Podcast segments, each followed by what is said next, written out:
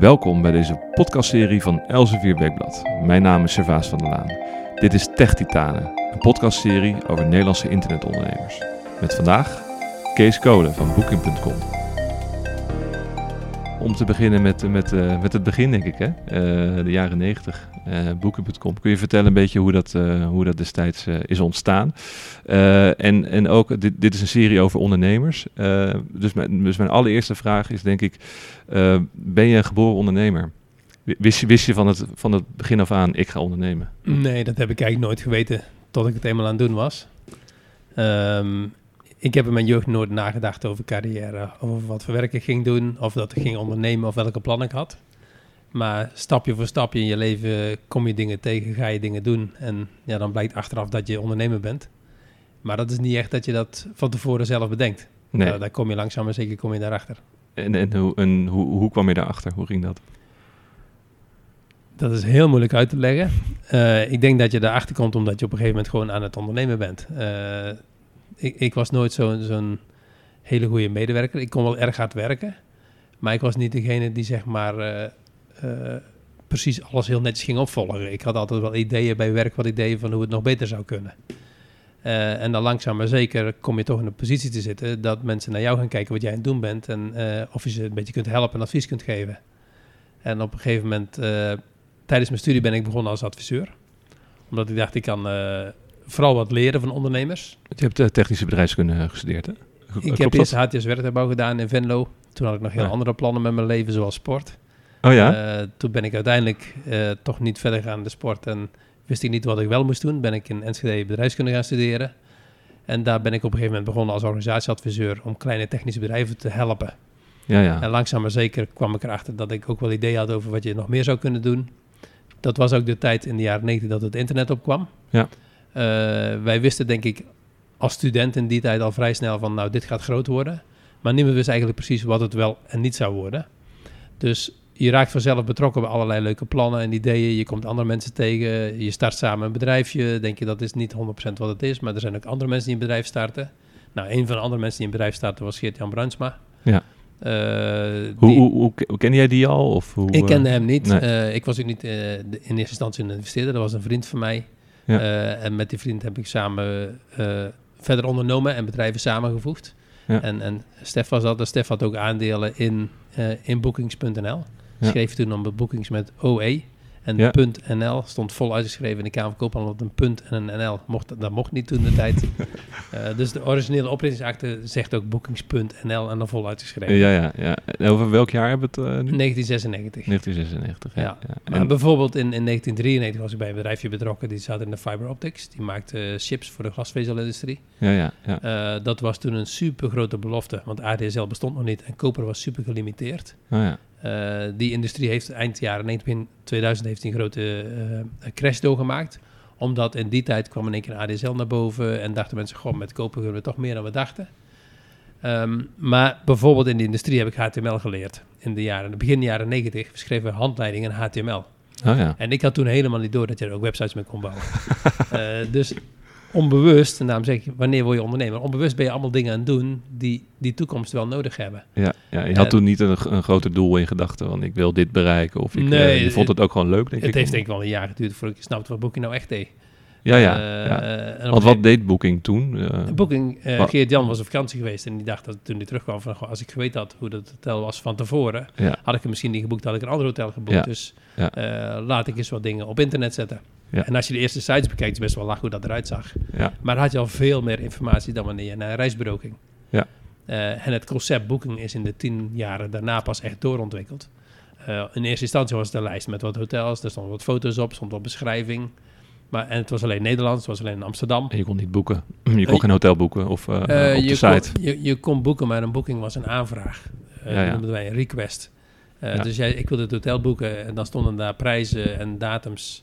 Maar als jij daarop klikte dat je wilde boeken, had je nog niet geboekt. Want dan moest er nog handmatig iemand voor jou gaan boeken waarschijnlijk. Of hoe Nou, dan dat? moesten wij het hotel bellen Ja, en, precies. en, en kijken Ja, of er beschikbaarheid ja, was en of dat een goede prijs was. Gingen we jou bevestigen. Ja, Uh, maar in het begin ben je alleen met zo'n bedrijf zoals Geert-Jan. Ja. Uh, en dan heb je bijvoorbeeld dat in het weekend, uh, als mensen s'nachts wat vragen, dan duurt het 24 uur soms voordat er een antwoord kwam. Ja. Dus kom je erachter dat als je op request werkt, Eh, en pas na 24 uur ga je de klant beantwoorden, dan wil die klant niet meer.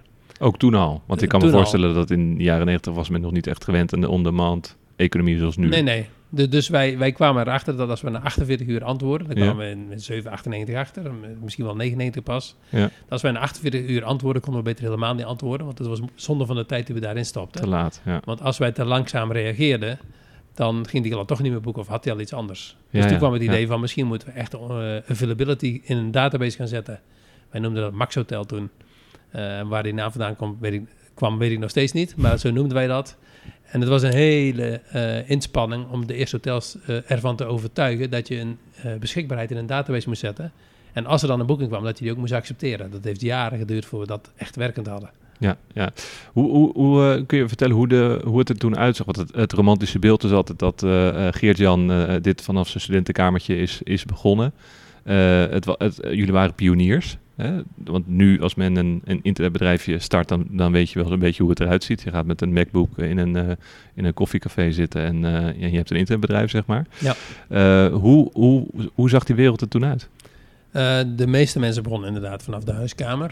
Geert-Jan begon vanuit het BTC in Enschede, dat is het Bedrijfstechnologisch Centrum. Dat zat tegenover de universiteit. Was de universiteit in de jaren daarvoor ook mede oprichter van geweest.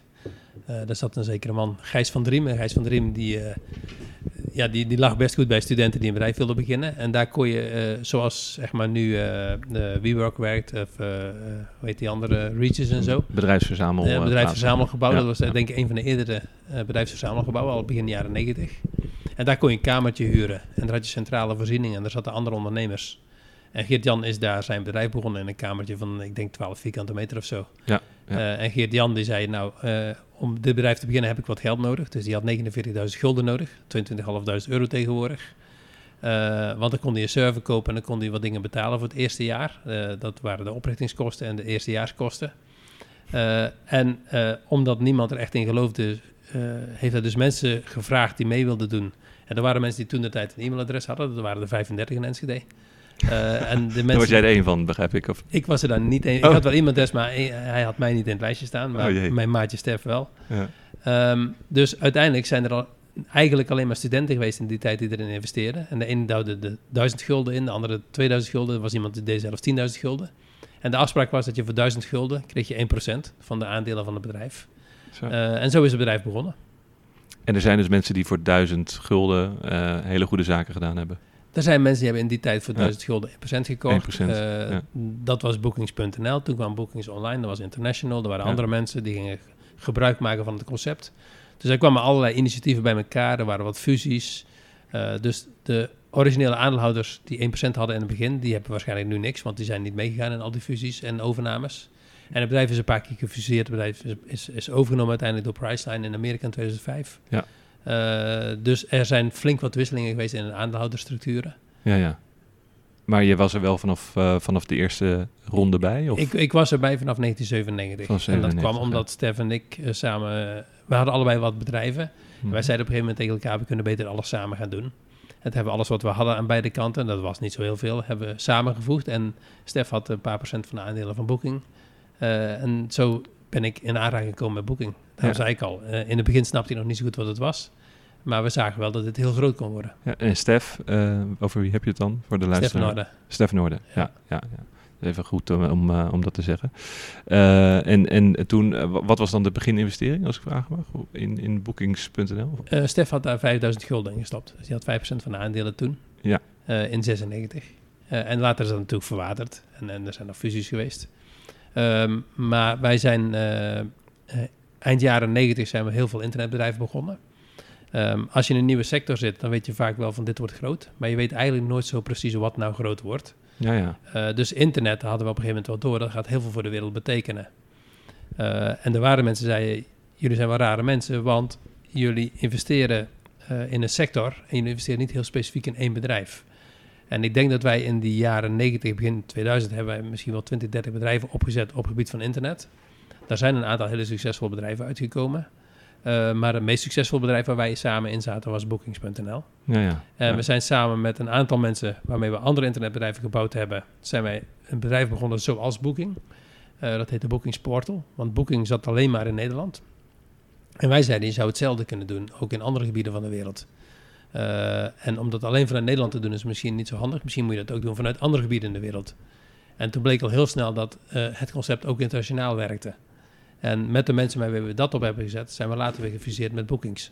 Ja, ja. Dus Bookings is eigenlijk een aaneenreiging van, van ontwikkelingen, zeg maar, op iets wat een heel goed concept was. En stap voor stap hebben we het concept steeds beter gemaakt. En ik denk dat het allerbelangrijkste wat wij daar gedaan hebben, is dat we ons continu hebben afgevraagd: wat wil nou eigenlijk die klant die op die site komt? Wat wil die nou eigenlijk? En dat hadden we altijd heel duidelijk voor ogen. En dat was ook waar wij vooral naar keken. Dus we waren met een flinke groep mensen en we hadden allemaal onze eigen mening. Maar het allerbelangrijkste voor ons was: wat gaat die klant nou doen? Wanneer boekt hij wel? Wanneer cancelt hij? Wanneer is hij blij? Wanneer is hij niet blij? waren er veel klanten in die tijd? Uh, in het begin waren dat natuurlijk niet zoveel. Niet zoveel mensen hadden internet, denk ik. Ik weet nog wel dat wij 10 boeken per dag deden en dat we 100 boeken per dag ja, deden. Ja. En dat zijn nu de aantallen per seconde, denk ik. Ja, niet eens misschien. Ja. Het is wel grappig hoe je dat omschrijft. Een beetje van, we wisten wel dat het groot ging worden, maar we wisten niet precies wie. Dat, dat doet een beetje denken aan de huidige blockchain en bitcoin uh, discussie. Ja, uh, dan, ik denk we, dat al die is het daarmee vergelijkbaar? Ik denk dat al die discussies iedere keer hetzelfde zijn. Er komen, hè, bijvoorbeeld als je kijkt naar, naar, naar, naar de uh, ja, noem het blockchain, de digital currency.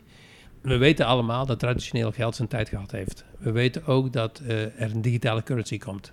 Als je op de IMF op de blogs gaat lezen, dan zie je zelfs dat ze misschien wel digitaal geld en traditioneel geld willen gaan splitsen. En dat ze het hebben van traditioneel geld willen ontmoedigen door negatieve rentes. Maar dat ze dat niet willen van toepassing verklaren op digitaal geld. En je ziet nu allerlei nieuwe fintech-banken ontstaan. Je ziet allerlei currencies ontstaan. Je ziet allerlei uh, blockchains ontstaan. En we weten allemaal dat dat heel groot gaat worden. Ja. Maar op welke technologie ga je nu gokken? Dus ik denk als je in die industrie groot wil worden, dan zul je moeten zorgen dat je die hele industrie goed gebruikt, uh, begrijpt. Dat kost een aantal jaren. Uh, en dat je op meerdere paarden kunt gaan wedden als je daarin wil investeren. Ja. Als jij ondernemer bent en je gelooft in iets, dan denk je dat je vooral heel veel geluk moet hebben. Uh, en het geluk dat jij bij het goede bedrijf betrokken werd. Ja. toen wij bookings aan het bouwen waren, waren er misschien wel 10.000 van die bedrijven. bookings is de grootste geworden. Hoe hoe kan dat? Geluk. Ja, is dat, is dat geluk? Ik denk dat het een flink stuk geluk is. Ik denk dat het ook ondernemerschap is natuurlijk. Je moet gaan zorgen dat je de goede producten bouwt voor je klant. Maar je moet ook geluk hebben dat je op, de goede, op een goede moment instapt. timing is denk ik heel belangrijk. Als jij vandaag een booking.com wil beginnen, dan denk ik dat je best wel een grote uitdaging hebt. Als jij toen wij boeken begonnen, Uber was begonnen, was je veel te vroeg. Want er waren geen apps, er waren geen mobieltjes. Ja, dus je moet niet te vroeg, maar ook niet uh, te laat zijn. Ja. Als je vandaag Uber wil beginnen, dat, dat is best uitdagend, want daar zijn er al tien van. Mm -hmm. uh, en die zijn alle tien al erg groot. En als je daar nu mee wil gaan concurreren, ben je misschien een beetje laat. Ja, daar kunnen we denk ik straks nog uh, over spreken. Dat over eigenlijk tips hè, voor ondernemers van nu. Misschien dat de business-to-consumer uh, uh, bedrijven, dat, dat daar nou ja, het laaghangend fruit wel geplukt is, zeg maar. Dat het nog erg lastig is om daar nu nog een nieuwe start-up te beginnen. Maar daar kunnen we het misschien straks nog wel even over hebben. Nog even, nog even terug, terugkijkend naar die tijd. Want um, hoe, um, hoe, hoe ging dat toen? Want je, je bent toen ingestapt in, in booking, bookings.nl. Ja. Kun je schetsen wat er daarna allemaal is gebeurd? Dat was 97. Ja. Um, uh, natuurlijk leer je dan de mensen kennen die daar werken en hoe dat gaat. Daar raak je langzaam bij betrokken. Even snel een paar jaar vooruit. in 2000 had Geert dan wat extra geld nodig. Omdat er een aantal ontwikkelingen waren bij Bookings. Hebben, hebben we een aantal mensen daarbij betrokken die er nog wat geld in stopten. Um, daarna bleek dus toch dat die plannen, die zijn toch altijd anders uiteindelijk dan hoe je ze bedacht hebt. dus zijn wij ons iets meer met het bedrijf gaan bemoeien. Het bedrijf was al wat groter. Geert-Jan zei van, goh, je hebt een adviesbureautje gehad, je kunt misschien wat helpen met de management. Dat vonden andere aanleiders ook goed. Dus 2001 ben ik bij Booking gaan werken, maar Booking had geen geld uh, en kon er geen salaris betalen. Dus ik zei toen de tijd van, nou, dan wil ik dat wel uh, voor wat aandelen, wil ik wel een jaartje werken voor dit bedrijf. En langzaam maar zeker raak je in zo'n bedrijf betrokken. En begin je echt de toekomst te zien. Begin je ook echt te snappen dat het echt iets heel moois kan worden. Want het was, um, met alle respect, het was toen een van, van jouw projectjes. Of projectjes, projecten. Da daarvoor, daarvoor, was het een investering. Een investering uh, en dan hoopte uh, je dat het wat ging worden. En je praat dus met die mensen en ja. je had dus wat. je was er niet bedrijfsmatig bij betrokken. Nee. Nee. In 2001 ben ik er echt gaan werken. Ja. Um, dat heeft een flinke tijd geduurd. En in 2003 hebben we eigenlijk het bedrijf overgenomen met een nieuwe groep mensen. Uh, met die nieuwe groep mensen hebben we het hele bedrijf eigenlijk uh, weer op de schop gezet. Dat was misschien wel de vierde keer in de historie van het 2005 bedrijf. heb je het over. Dus 2003. Of 2003. En ja. dat was het moment dat Geert-Jan uitstapte? Of niet? Eh, Geert-Jan stapte toen voor een stuk uit. Ja. Eh, oude aanlader sta- stapte eh, grotendeels eh, uit, zeg maar, niet allemaal. Ja. Ehm, en er kwamen dus eigenlijk in die bedrijven, ik denk dat alle bedrijven zich zo ontwikkelen, er kwamen elke keer nieuwe groepen mensen bij, mensen die weggingen. Eh, als jij een bedrijf hebt met vijf man, dan is dat een andere cultuur dan wanneer je een bedrijf hebt met 50 man. Als je een bedrijf hebt met 500 man, is dat een andere cultuur dan wanneer je een bedrijf met 50 man hebt. Dus iedere keer heb je toch een flinke verschuiving in je mensen. Het wordt professioneler, neem ik aan. Ja. Eh, meer, En- en- meer en- managers. En er zijn heel veel mensen die een bedrijfje heel klein en vroeg leuk vinden, en vinden het niet leuk als het 500 man is. En andersom net zo. Geert-Jan is daar één van waarschijnlijk. Of... Nou, ik denk dat hij Booking altijd wel leuk gevonden heeft. Daar kom ik zo wel even terug. Ehm, hij is ook altijd heel trots geweest op Booking. En ik denk dat hij nog steeds heel trots, op Booking heeft. Hij heeft uiteindelijk het ook bedacht. Ehm, maar zijn hobby was niet om een grote groepen mensen te managen. Nee. Eh, Geert-Jan is eh, in 2003 is hij, eh, min of meer uitgestapt. Toen wij met een nieuwe groep mensen en aandeelhouders het bedrijf hebben overgenomen. Hebben het eigenlijk opnieuw de techniek gebouwd. Maar dat is iets wat je altijd doet in techbedrijven. Je bouwt iets en als het live staat, dan denk je... Goh, dat werkt goed, maar het kan nog beter. Kan het beter, ja. En dan ga je verbeteren en op een gegeven moment denk je in één of twee jaar... ik moet het eigenlijk weer helemaal opnieuw bouwen. En dat doe je continu. Met, dat gebeurt bij al die techbedrijven. Mhm. Ehm, eh, het bedrijf werd groter. Eh, Geert-Jan is eh, grotendeels uitgestapt in 2003. Eh, we hebben hem gevraagd om toch aan boord te blijven, omdat hij het idee bedacht had. Ik heb een flink aantal jaren intensief met hem samengewerkt, omdat hij het idee heel goed in zijn hoofd had. Dat wilden wij goed begrijpen. Ehm, 2005 hebben wij het bedrijf verkocht aan Priceline, omdat we heel snel groeiden en geld nodig hadden. Eh, we hebben flink wat investeerders en, en ook rijke mensen in Nederland gevraagd om te investeren. Maar omdat internet in Europa toch nog niet zo heel bekend was, eh, was het heel twijfelachtig. En er kwam een Amerikaanse partij voorbij, Priceline, die best graag Booking wilde kopen. Eh, die hebben Booking verko- gekocht. Er zijn op dat moment weer een aantal mensen uit de Booking gestapt en weer nieuwe mensen binnengekomen. Wij zijn gebleven. Ik ben vrij lang gebleven, tot 2014. En we hebben in de jaren daarna het bedrijf heel groot gebouwd. En eigenlijk is de rode draad dat je continu je product beter maakt Mhm. en dat je continu je team verder uitbouwt. Maar ik, eh, het is toch uiteindelijk, er is natuurlijk wel veel over gezegd, maar het is enorm zonde als je terugkijkt dat, dat Booking.com eh, verkocht is aan een Amerikaans eh, bedrijf, toch? Ik bedoel, het is ook de realiteit dat het in die tijd, kennelijk was er geen geld in Nederland en Europa. Er blijft wel een gemiste kans. Als je terugkijkt is de toekomst heel makkelijk. En, Sowieso, eh, dat zeg ik, ook. Ik, heb best veel discussies met mensen over het verleden. En die hebben dan een hele sterke mening over wat wij anders hadden moeten doen. En ik laat het altijd gaan, want ik vind dat hele leuke discussies. Dus ik ga er altijd best diep op in. En dan vraag ik aan het eind van, ik heb trouwens nog een vraag. En dan vraag ik dezelfde mensen iets over een probleem wat ik vandaag heb, wat ik morgen moet oplossen. Ja. En wat met de toekomst te maken heeft. Ja. Maar dan hebben dezelfde mensen hebben geen antwoord meer. En weten niet wat je wel zou moeten doen. Ja, ja. Dus ik denk dat je als ondernemer leef je heel erg in het heden. Ja. Je hebt natuurlijk een lange termijn plan. Maar het is allemaal nog niet zo makkelijk te voorspellen wat er wel en niet gaat gebeuren. Dat is ook een stukje geluk natuurlijk. Je Mhm. moet, elke dag moet je nieuwe keuzes maken die met je toekomst te maken hebben. Ja. Ehm, en ik denk dat wij heel veel goede keuzes gemaakt hebben als je kijkt vanuit het bedrijf. En dat is wat ik mensen ook altijd adviseer. Je moet kijken vanuit het bedrijf en niet vanuit jezelf. Ja. Als je naar Booking kijkt, hebben wij dus toch altijd de goede keuze gemaakt. Omdat het een heel groot bedrijf geworden is, wat best succesvol is geworden. Ja. Ehm, misschien als je terugkijkt, hadden wij het bedrijf niet moeten verkopen.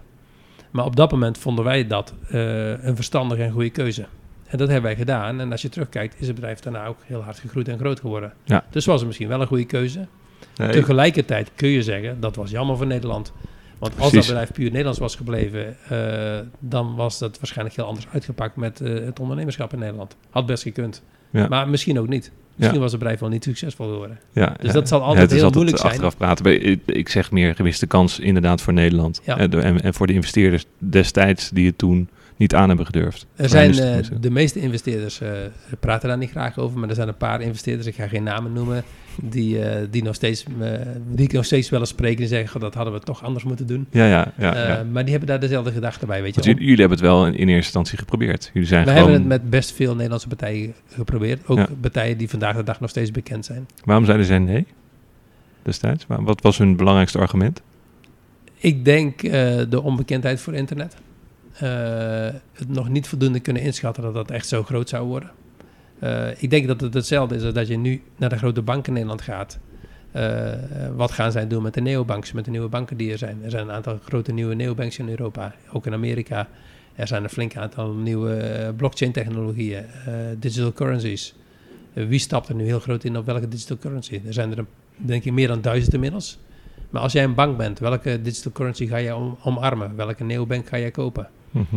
Uh, iedereen weet dat die neobanks en die digital currencies dat die heel groot gaan worden. Uh, en als je over tien mensen vraagt, over tien jaar aan mensen vraagt die in de juiste currency zitten, die zullen uitleggen waarom zij in de juiste zitten. Maar als je vandaag vraagt aan mensen welke wordt groot, dan zal de toekomst toch anders zijn. Ja. Hè, dus we weten allemaal, het wordt heel groot. Uh, en dit gaat gebeuren. En dan kom ik terug op mijn stukje wat ik zeg. Dat is toch geluk. Je moet ook bij de goede zitten. En dat is niet alleen maar wetenschap. Dat ligt aan heel veel verschillende dingen. Maar, maar geluk, uh, je zegt wel, mensen zeggen je dwingt dat af. Is het ook een, een soort, soort, toch een soort uh, onderbuikgevoel? Het gevoel hebben, en dit is het juiste wat ik nu aan het doen ben als ondernemer? Dat je, dat je goed zit? Dat is het. Maar er zijn natuurlijk, wat ik zei, er zijn duizend digital currencies. En ik denk dat alle duizend de personen die die currencies bedacht hebben, hebben het gevoel dat zij die juist hebben bedacht. Maar we zullen achteraf weten welke het was. En misschien wordt er wel nummer 1001 die nog niet bestaat. Mm -hmm. Want wat wij ook zien, en dat, en ik pak Facebook als een voorbeeld. Er waren natuurlijk best uh, goede voorbeelden van Facebook. Pak Friendster, ik weet niet of je die nog kent. Uh, ja. Dat was de allergrootste in het begin. Ja. Uh, toen kwam MySpace. Ja. maar die zijn allemaal verdwenen en nu is het Facebook. LinkedIn was ook groot in het begin. dus het is nog niet zo makkelijk te voorspellen wie nou echt de groter wordt. Google was niet de eerste search engine. Mm -hmm. Amazon was niet de eerste boekstore online. Nee. Dus er komt heel veel meer bij kijken dan alleen maar weten dat je goed zit. We wisten dat digital goods groot zouden worden, dat, dat de digitale distributie groot zou worden.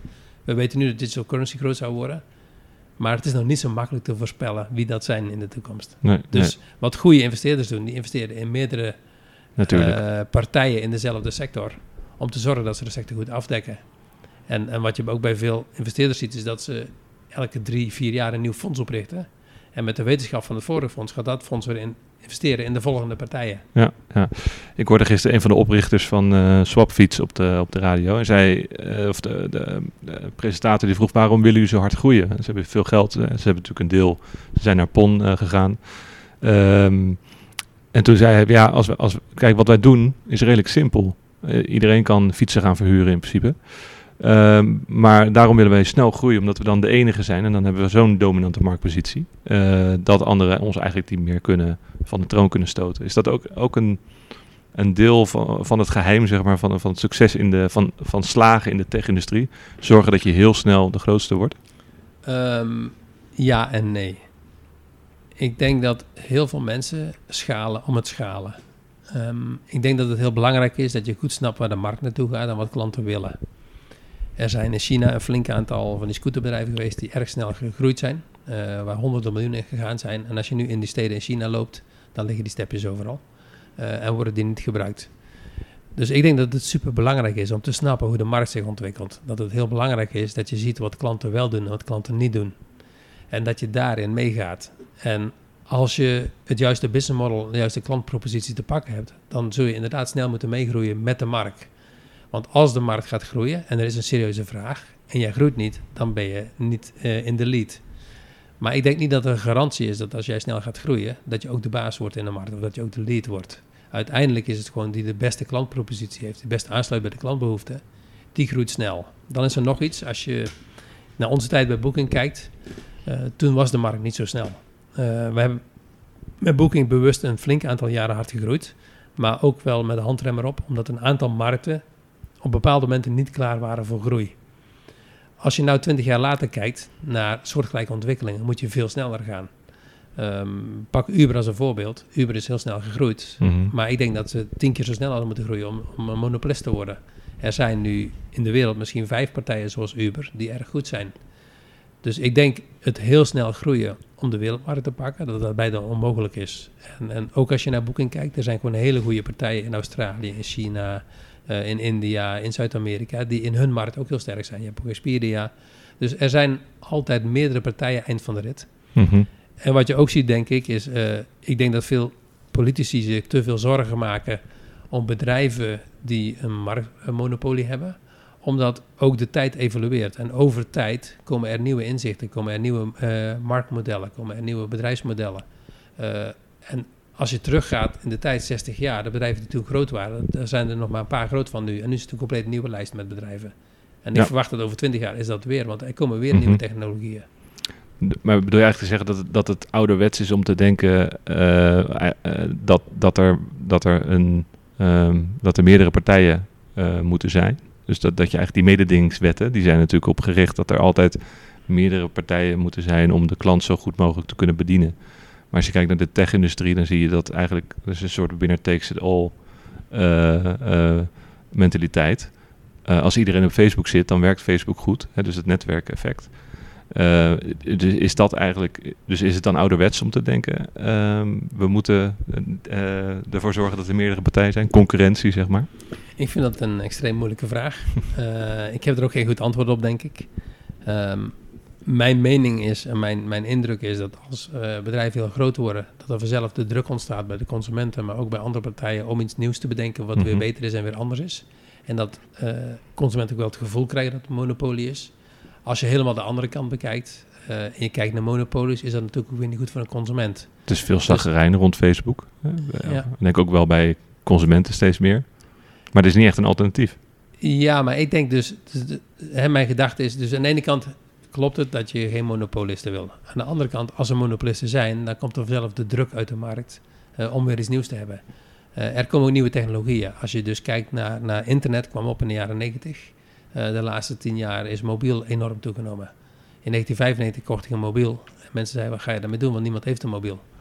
Um, bij Booking hebben we onze eerste app voor het boeken van hotelreserveringen pas ontwikkeld in 2010. Als we dat niet gedaan hadden, had het bedrijf vandaag amper bestaan. Want mm -hmm. bijna alles is mobiel momenteel. Maar het is nog geen tien jaar geleden dat we daarmee begonnen zijn. Mm -hmm. En waarschijnlijk komt er dadelijk weer een nieuwe technologie. En als bedrijf kun je daar weer in mee. En het zal altijd zo zijn dat met nieuwe technologieën komen er nieuwe bedrijven die die nieuwe technologie beter snappen, omdat mm -hmm. technologie wordt ontwikkeld vanuit een universiteit.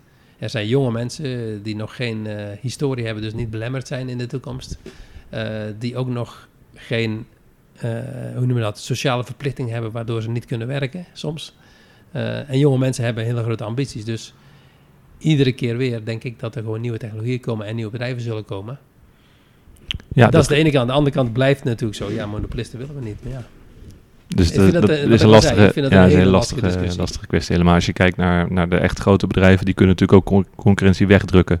Overkopen of, of hun technologieën naapen. Dat, nou ja, dat is in beperkte mate. Als je ziet alle bedrijven die IPO gaan, dus naar de beurs gaan, uh, de laatste twee jaar in technologie. Ik denk dat er zelden zoveel bedrijven naar de beurs zijn gegaan. En dat zijn niet allemaal grote bedrijven, maar er zijn wel bedrijven die in een paar jaar groot geworden zijn en belangrijk zijn. Uh, pak de muziek. Uh, je hebt Apple. Uh, Apple Music was heel belangrijk. daar is Spotify naast gekomen. Mm -hmm. als je naar internet gaat, in de jaren 90 had Microsoft een monopolie en die drukte Netscape uit de markt. Hm. maar Microsoft heeft de internetmarkt niet gewonnen, dat is Google. Nee. Hè, dus er zullen ook vanuit de, Microsoft, afgeschreven tien jaar geleden, is nu het grootste bedrijf ter wereld weer. Dus, dus er, er, zullen altijd wijzigingen blijven. Ja. En er zal altijd competitiedrang zijn van nieuwe bedrijven, nieuwe ondernemers die ook die positie willen. Ja, dat, dat is eigenlijk een vrij positief verhaal voor jonge ondernemers van nu. Hè? Dus, uh, Ik denk dat waarvan we ook hopen dat, ja. dat ze naar deze podcast luisteren en dat ze dan uh, daar wat van, van leren. Wat voor, een, wat voor lessen heb jij de afgelopen 20, 30 jaar geleerd die je graag zou willen overdragen aan de, aan de jonge ondernemers van nu? Wat is belangrijk? Uh, ik denk dat het allerbelangrijkste is, is dat jij als jong iemand bent, dat je iets doet wat je graag doet.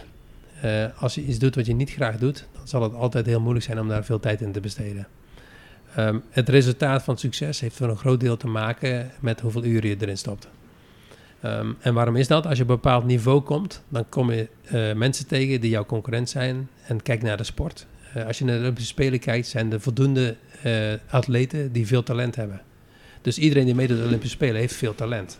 Dus met het talent wat je hebt, zul je het onderscheid niet maken. Maar de winnaars van de Olympische Spelen zijn de mensen die aan de ene kant een beetje geluk in de wedstrijd hebben. Maar aan de andere kant zijn het vaak wel de mensen die het serieus en hartstikke getraind en gewerkt hebben. Mm -hmm. ja. En uh, eh, 40 of 60 uur werk in de week, uh, daarmee kun je misschien carrière maken, maar daarmee kun je niet het grootste bedrijf ter wereld bouwen in jouw sector. Dus als je echt mateloos succesvol wilt worden, dan zul je dus moeten zorgen dat je een heel sterk team om je heen bouwt. Van mensen die dezelfde passie en visie hebben als jij. Maar ook mensen die allemaal als hobby hebben dat wat jij aan het doen bent. En als je naar onze tijd kijkt in Booking, waren we met een groep van een man of tien die allemaal tussen de 100 en 120 uur per week werkten en nauwelijks op vakantie gingen. En wij vonden niet dat we hard werkten. En waarom niet? Omdat wij een enorme passie hadden voor wat wij deden. En wij vonden het echt geweldig om zo'n bedrijf te bouwen. Maar als je daar even aan rekent, dan werk je dus met 10 man per week meer dan 1000 uur. Dus maak je een manjaar per week met een klein groepje. Iemand die denkt, ik moet dit ook doen, want ik wil ooit veel geld verdienen. eh, en ik moet maar zo'n bedrijf bouwen, maar die na 60 uur in de week moe is, ja, die kan daar niet mee concurreren. Dus stap 1 is, denk ik, eh, zorg dat je doet wat je graag doet, wat je leuk vindt, waar je passie voor hebt. Eh, tenminste, als jouw doel als jong ondernemer is om succesvol te worden, moet het iets zijn Ja. wat je echt leuk vindt. En, en ja, hoe, hoe kom je daarachter eigenlijk? Eh, ik kom er op een hele rare manier achter. Ja. Als ik iets doe wat ik graag doe, dan slaap ik heel weinig. Ja. Als ik iets doe wat ik niet graag doe, dan word ik snel moe. Ja. Dus dan ga ik in één keer zes uur per dag slapen. Eh, en als ik zes uur per dag slaap, dan weet ik dat ik iets aan het doen ben wat ik niet leuk vind. Want als ik iets doe wat ik heel leuk vind, dan slaap ik twee uur per dag of drie uur per dag. Dat is heel weinig, eh, Kees. Ja, maar dat denk ik toch te maken heeft met je interesse, met je ambitie. Met, eh, als je dus moe wordt van werken, dan doe je in mijn ogen iets wat je niet zo leuk vindt. Dus ik denk, ik denk dat daar begint het. Als je echt wat wil bereiken, zul je dus echt iets moeten doen wat heel erg bij je aansluit. Wat je passie is, waar je niet moe van wordt. Wat jouw energie geeft.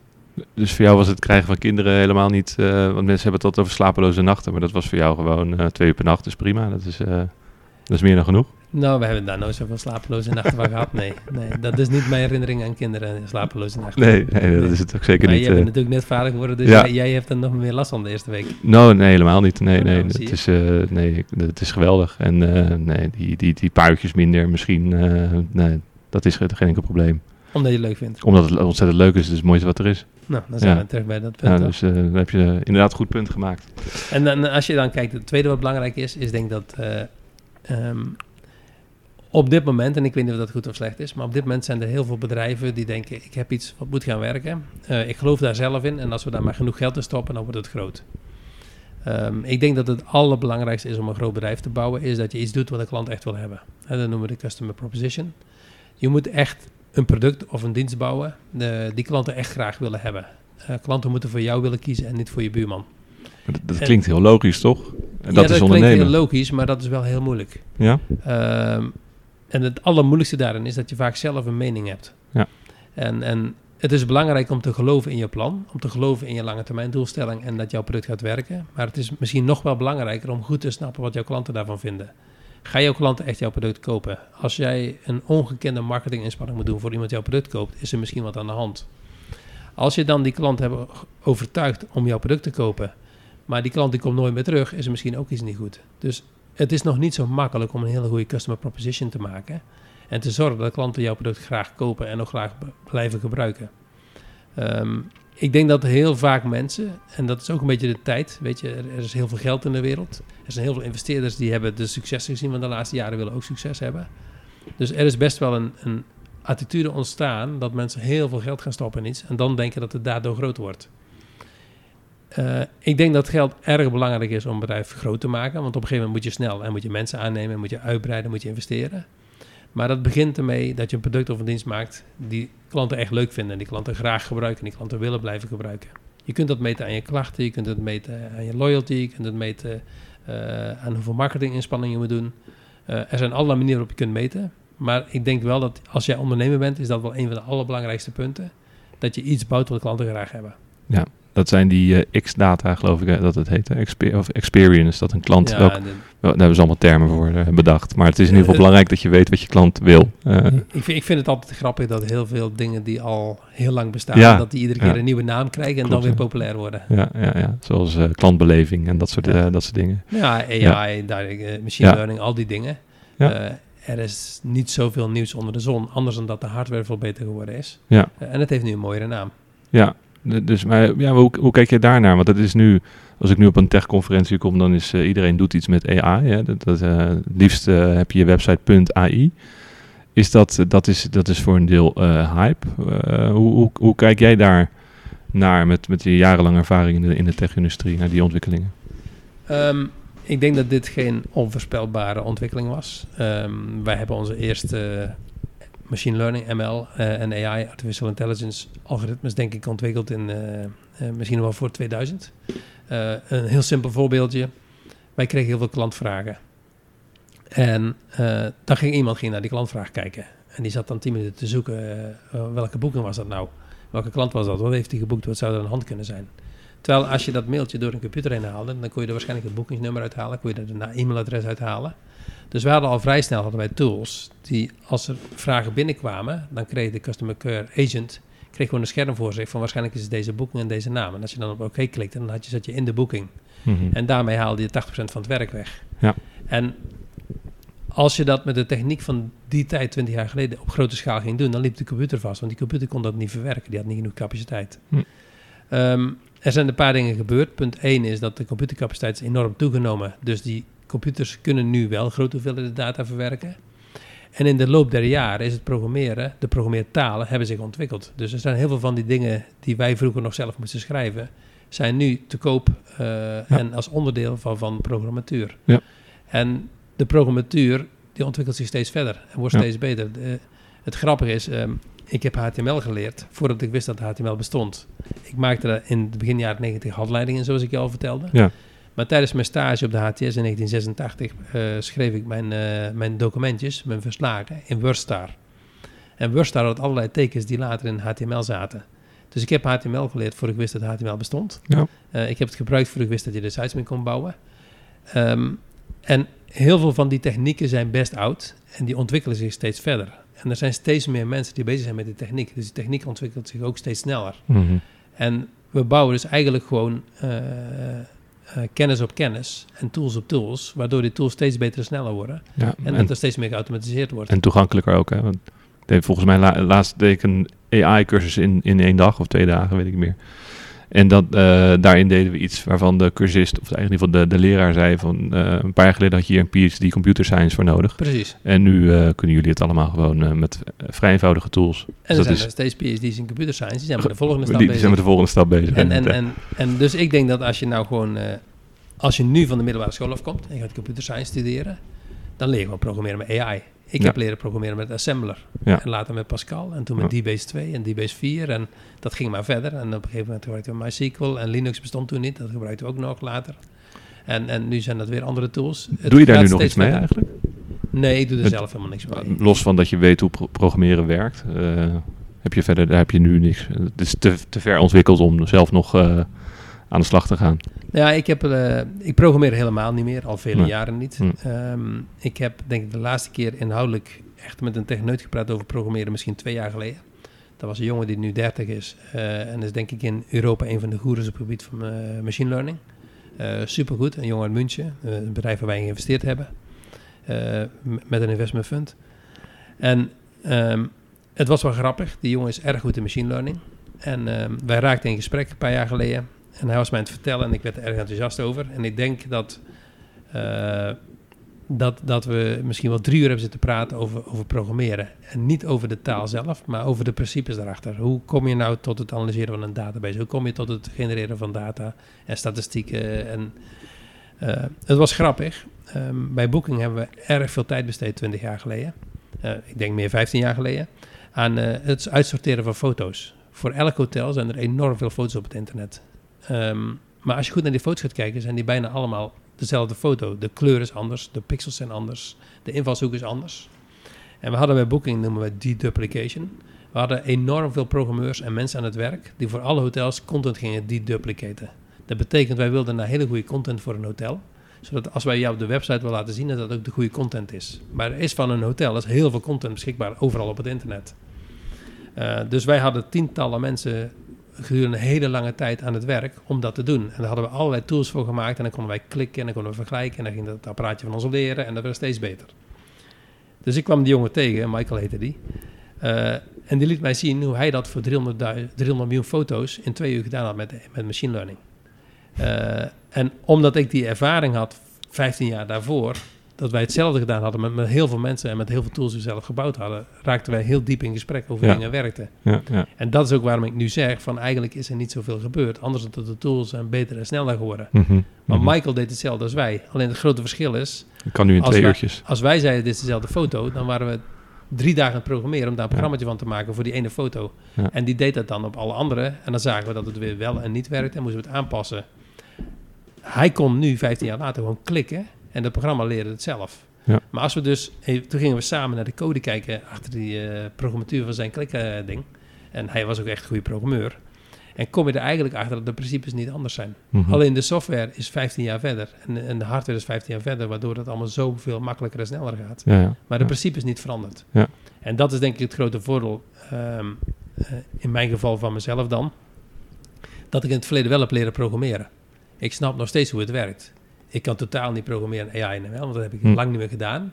Maar als ik met die mensen in gesprek raak, dan duurt het niet lang voor wij weer dezelfde taal spreken. Ja. Terwijl zij wel de nieuwste tools gebruiken. Hoe zit dat met, eh, met eh, je dochter eigenlijk? Adviseer je je kinderen om eh, ook te leren programmeren? En, ik, Kan- ik, ik adviseer mijn kinderen. het- mijn enige doel met mijn kinderen is dat ze zelf ontdekken wat ze leuk vinden in hun leven en dat gaan doen. En als ze van mij willen leren, mag dat, maar dat hoeft niet. Ehm, dus we hebben vier kinderen en die doen alle vier compleet andere dingen. Ja. Eh, mijn ene dochter die hier ook zit, die is toevallig heel erg in zitten wat ik doe. Eh, een paar van mijn andere kinderen zijn dat niet, maar dat vind ik niet erg. Eh, omdat ik terug ga naar mijn allereerste principe.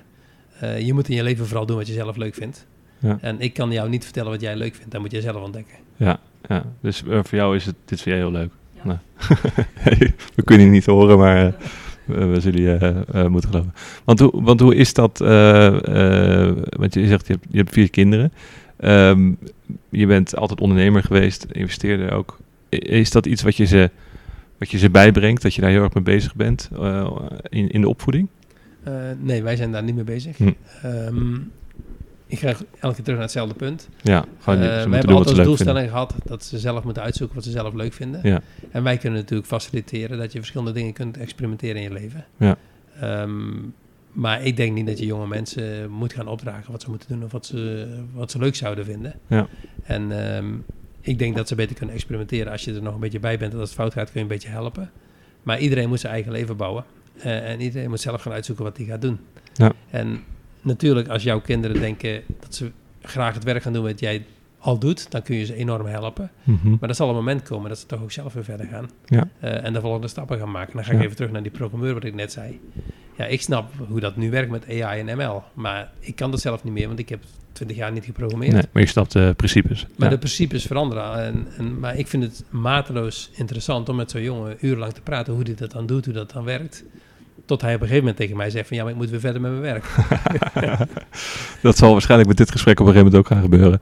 Ehm, ehm, wat, wat grappig is, als, als ik met ondernemers praat, het gaat eigenlijk bijna nooit over geld. Hè? Het is Nee. veel, veel mensen denken altijd, eh, ik wil rijk worden, dus ik moet gaan ondernemen. Want dat is de manier om rijk te worden. Want in loondienst word je nooit miljonair.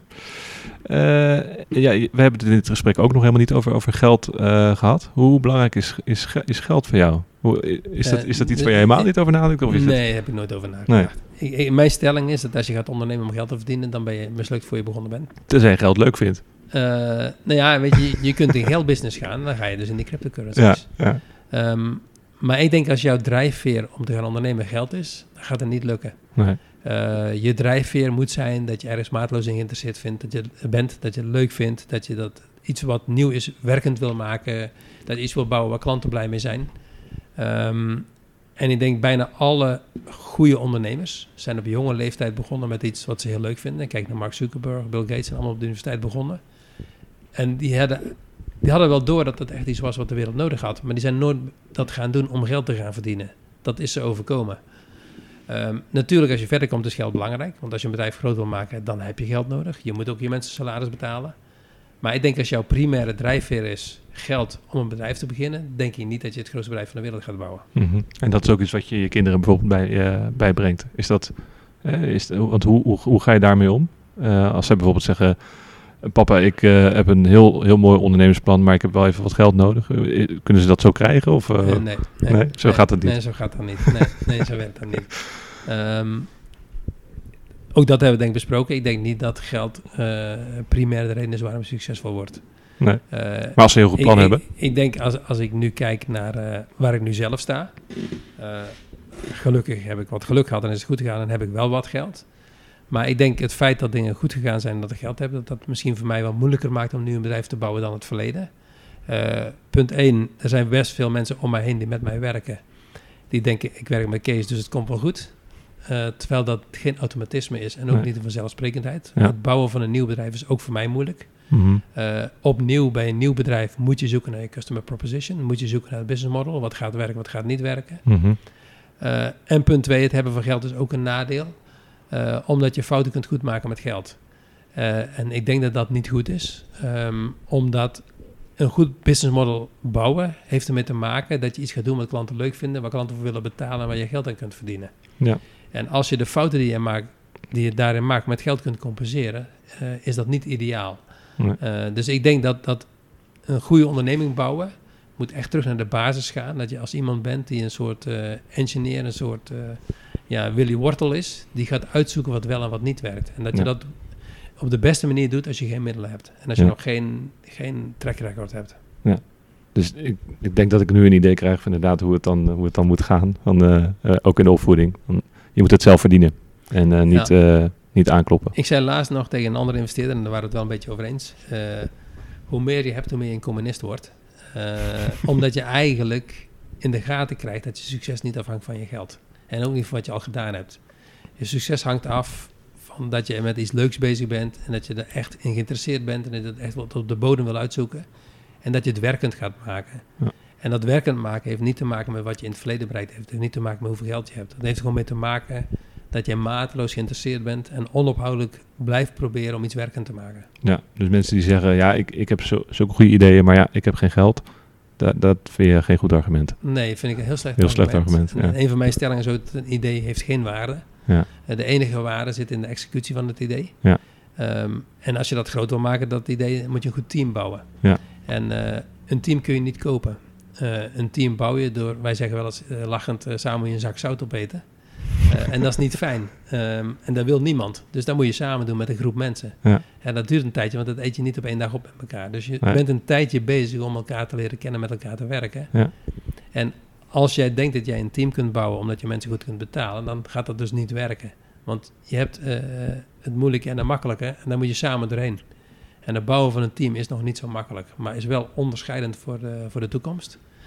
Eh, en een idee gaat niet werken omdat jij geld hebt. Een idee gaat werken omdat jij super geïnteresseerd bent en omdat je een lange periode aan het experimenteren bent hoe dat idee goed te maken.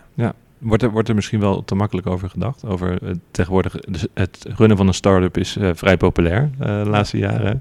Veel mensen die vroeger bij een bank zouden gaan werken, die denken nu, we gaan nou onerbiedig gezegd st- start-upje spelen. Ehm, vind zie jij dat eh, toch, eh, zie, je dat, zie je dat ook zo? Of vind je dat ook wel goed dat mensen gewoon lekker dingen uitproberen en, en gewoon een beetje maar wat doen? Of zijn dat ondernemers vol, eh, volgens jou? Ik denk dat er twee dingen zijn. Ja. Eén is, ehm, als je teruggaat naar toen ik van de HTS afkwam, in 88, ehm, was eigenlijk het enige waar wij aan dachten was, kan ik bij Philips gaan werken, kan ik bij Shell gaan werken. Dan ging je kijken naar de salarisschalen. Ik weet nog, in mijn tijd kon je 28.000 gulden verdienen als je goede punten had. Eh, en dan ging je kijken hoe je de komende 30 jaar bij zo'n bedrijf ging werken en misschien wel naar 70.000 gulden kon groeien. Ehm, en mensen werkten 10, 20, 30 jaar bij zo'n bedrijf. Als je vandaag kijkt, ik denk dat eh, als je de kranten kijkt deze week, dan zie je wel dat we steeds meer ZZP'ers hebben. En dat mensen al zeggen van nou 2030 hebben we alleen maar ZZP'ers. Dus je ziet, ehm, je ziet dat de hele grote bedrijven waar mensen levenslang werken, dat ideeën zijn aan voorbij, weggaan. Dat is ja. een algemene trend. En ik denk dat dat niet mee te maken heeft of ik het goed vind dat mensen gaan ondernemen of niet. Maar het is een trend dat mensen toch steeds meer individueel voor zichzelf gaan zorgen. Wat je net zei, toen kreeg ik een glimlach op mijn gezicht. Als je het hebt over bankmensen die een bedrijf beginnen. Ehm, het doet mij heel erg denken aan de tijd dat het internet opkwam. Eh, en eind jaren 90 kregen wij heel veel mensen van grote bedrijven bij ons. Eh, die zeiden van, eh, ik heb een goede baan. Ik verdien nu 100.000 gulden per jaar. Ehm, en als jij mij ook 100.000 gulden wil betalen per jaar, dan eh, zou ik graag met je gaan ondernemen. Eh, want ik denk dat ik heel veel geleerd heb, heel veel weet. Maar ik heb wel dat geld nodig. En wat wij geleerd hebben, is als wij de mensen aannamen eh, en het werd moeilijk, dan gingen ze eerst praten over het geld wat ze wilden verdienen en wat ze nodig hadden om een gezin te onderhouden. Terwijl als je echt gaat ondernemen, dan heeft dat best wel veel onzekerheid. En dan gaat niet alles werken. En dan is het juist goed dat je die pijn gaat voelen, dat je sommige maanden gewoon geen geld hebt en jezelf niet kunt betalen. En dus misschien jouw gezin niet eens boodschappen kan doen en dat je bij vrienden moet gaan eten. En die pijn heb je denk ik nodig om je product echt goed te maken. Dat je gewoon heel hard om de oren krijgt dat die klant dat product niet gaat kopen als jij het niet goed maakt. Dat die klant niet meer terugkomt als jij geen goede service verleent. Mhm. En dan kom ik toch weer terug op dat geld. En dat geld is daar een nadeel in. Als jij dan toch weet dat je eind van de maand je handje kunt ophouden en geld kunt verdienen, eh, dan ben je eigenlijk niet de ondernemer die een product heel groot gaat maken. Mhm. Dus Ja. ik denk het feit dat iedereen ondernemer wil worden, vooral de voorbeelden die jij noemde, eh, dan denk ik dat dat uiteindelijk niet de ondernemers zijn die een groot succes gaan halen. En er zullen natuurlijk uitzonderingen zijn, maar dat het is wordt meer- geen algemeen beeld. Het is meer een lifestyle, heb ik af en, af en toe het idee. Het dat is je- een lifestyle, Dat je, ja, dat, je, absoluut. dat je inderdaad, je hebt een start-up en, eh, en daar hoort het hele wereldje eromheen bij. Ja. Maar welk product, eh, welke waarde voeg je nou eigenlijk toe aan de economie? Dat is, dat Ja. is een beetje de vraag. Nou ja, en er komen natuurlijk elke keer nieuwe technieken in de wereld, waardoor eh, er nieuwe start-ups zullen komen en nieuwe initiatieven. Ja, En, en eh, kijk, eh, kijk naar allerlei winkels waar, waar vroeger de man en de vrouw een winkel hadden. Die hadden 50 klanten, die kwamen alle boodschappen daar doen. Die mensen gingen gezellig zitten. Mhm. Die deden een beetje eh, koffie drinken met elkaar en praten. En dan werd de boodschappenlijst ingevuld en dan werd op papier uitgerekend hoeveel Ja. geld dat was. Ja. Ja, dat gebeurt natuurlijk niet meer, want tegenwoordig zijn er kassa's, er zijn supermarkten, eh, je kunt zelfs online bestellen. Ja. Dan beschrijf ik even de laatste 50 jaar de, de retail. En ik denk als we over 50 jaar terugkijken, als we dan nog bestaan, dan zul je weer zo'n beschrijving kunnen maken van wat er allemaal gebeurd is. ja. Dus dat blijft gewoon vooruit gaan. Wat, wat, wat, vind je van het huidige start-up klimaat? Dus vergelijk met eh, de tijd waarin jij begon. Eh, er is veel meer aandacht voor. Ehm, er is, ja, hoe moet je dat zeggen? Als je, als je goed kunt presenteren en praten, kun je vrij makkelijk toegang tot wat geld krijgen. Maar ik denk dat het niet echt makkelijker geworden is om een, eh, om een groot bedrijf te bouwen. Ehm, technologie is veel breder beschikbaar. Er zijn veel meer mensen die het kunnen doen. Ehm, als je kijkt nu naar al die, eh, die, die, die plekken waar je een bedrijf kunt beginnen. Ik, ik sprak dus straks over Boekingsbron en het BTC, Bedrijfstechnologisch Centrum. Dat was een soort WeWork, maar dan eh 40 jaar geleden.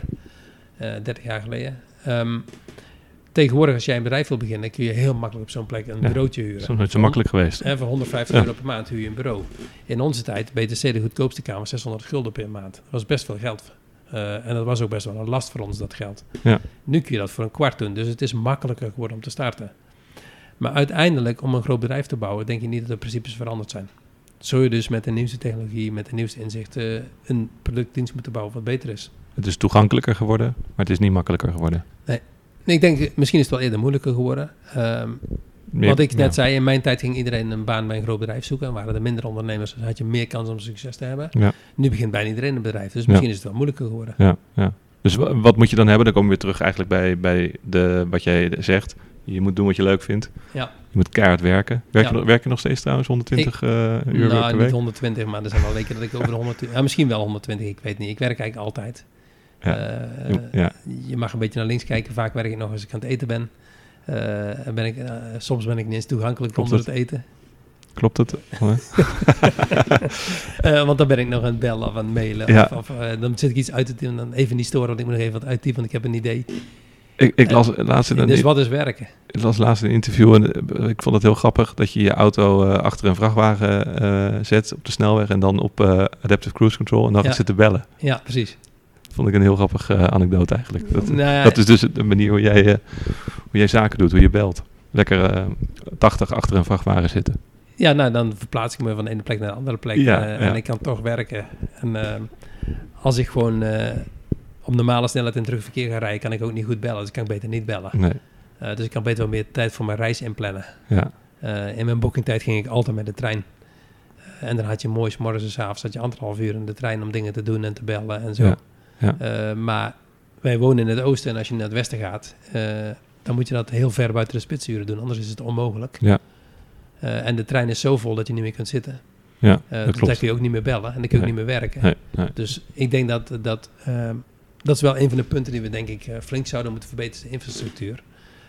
Dat je ook makkelijker met openbaar vervoer met ruimte kunt reizen. Ja, want ik denk dat dat ook voor veel mensen... De, de wegen worden steeds voller, de treinen worden steeds voller.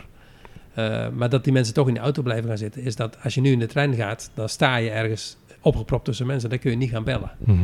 Eh, daar kun je ook heel moeilijk op je computertje gaan werken. Dus, dus als, denk, als we echt wat willen verbeteren eh, daaraan... dan zouden we, zouden we veel meer openbaar vervoer plekken krijgen. Ja. Er zijn best veel buitenlanden. Ik denk dat China ook een mooi voorbeeld is... waar enorm goed treininfrastructuur is. Ja. En waar je bijna iedereen met de trein ziet gaan... en mensen gaan gewoon lekker zitten in die trein, lekker aan het werk. Ja. Ehm, als dat vervoer heel comfortabel was... zou dat ook mijn eh voorkeursmanier van ja vervoer zijn. dat, dat is het niet in Nederland. Nee, Niet dat meer. ben, ik- nee, dat ben ik met je eens. Ja. Ja. Ja, je bent altijd hier in het oosten gebleven, hè? Dus er is nooit een... Of ben je heb je ooit het, uh, het, plan gehad om naar uh, het westen te verhuizen? Ik heb heel vaak een plan gehad om naar het westen te verhuizen. Ik heb heel vaak een plan gehad om in het buitenland te gaan wonen. Ja. Uh, maar uiteindelijk was altijd de thuisfront die zei: Het maakt niet uit waar wij wonen, je bent toch niet thuis. En wij zijn dus altijd blijven wonen waar we zijn gaan wonen in mijn studietijd. Ja.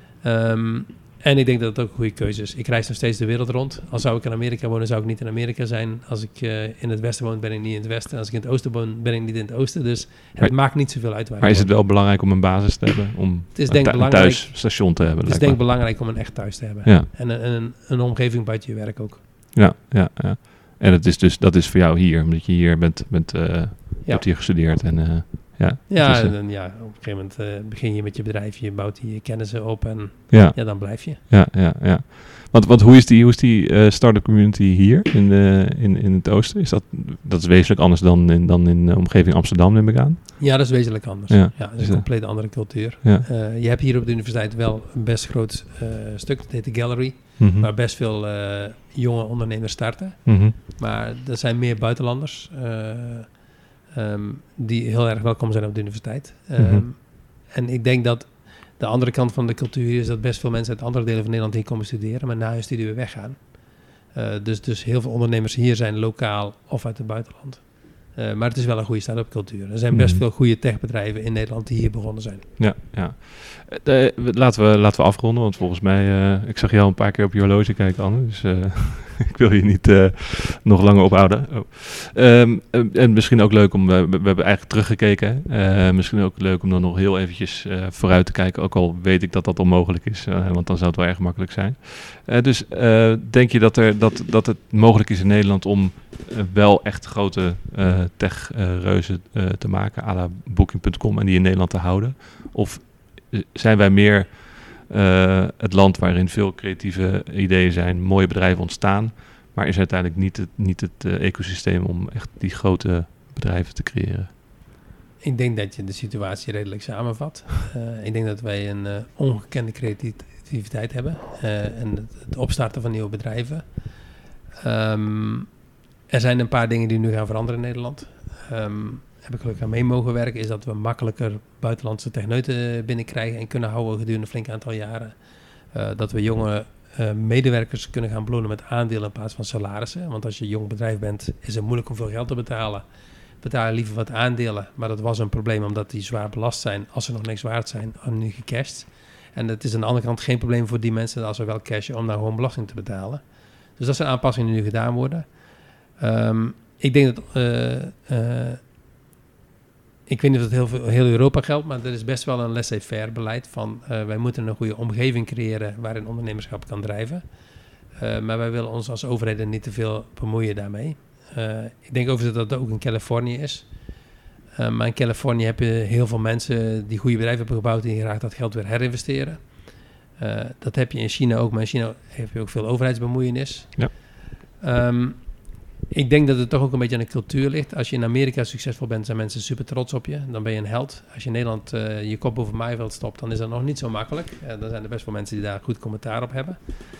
Uh, ik denk ook dat het een beetje mode is. Um, we hebben natuurlijk een flink aantal jaren goede ondernemers gehad hier in West-Europa. We hebben nu best wel een goede welvaart. Dus de, de echte drang van mensen om een beter leven te krijgen door te ondernemen is er niet echt. Misschien komt dat weer terug, misschien niet. Dus ik denk dat het ook een, een, ja, een onderdeel van de tijdevolutie is. Maar uiteindelijk denk ik dat het zijn van een goede ondernemer, dat ben je als persoon of niet. Uh, dat weet je eigenlijk niet van tevoren, dat ontdek je in je leven. En ik denk als jij een hele goede ondernemer bent, dan kun je overal in de wereld een goed bedrijf bouwen. Ja. Maar dan zul je ook een stukje van de infrastructuur en de omgeving zelf moeten creëren. Maar je gelooft dus wel in geboren ondernemers. Niet iedereen is een ondernemer, maar dat, daar kom je vanzelf achter. Ja. Niet iedereen is een ondernemer, nee, dat, nee, weet je wel van jezelf. Dat, weet je wel op een gegeven moment. Ja. ja, Oké, dankjewel Kees uh, voor, dit, uh, voor dit leuke, interessante gesprek. Dit was Kees Kolen voor een podcast voor Elsevier Weekblad. Mijn naam is Servaas van der Laan. Dank voor het luisteren.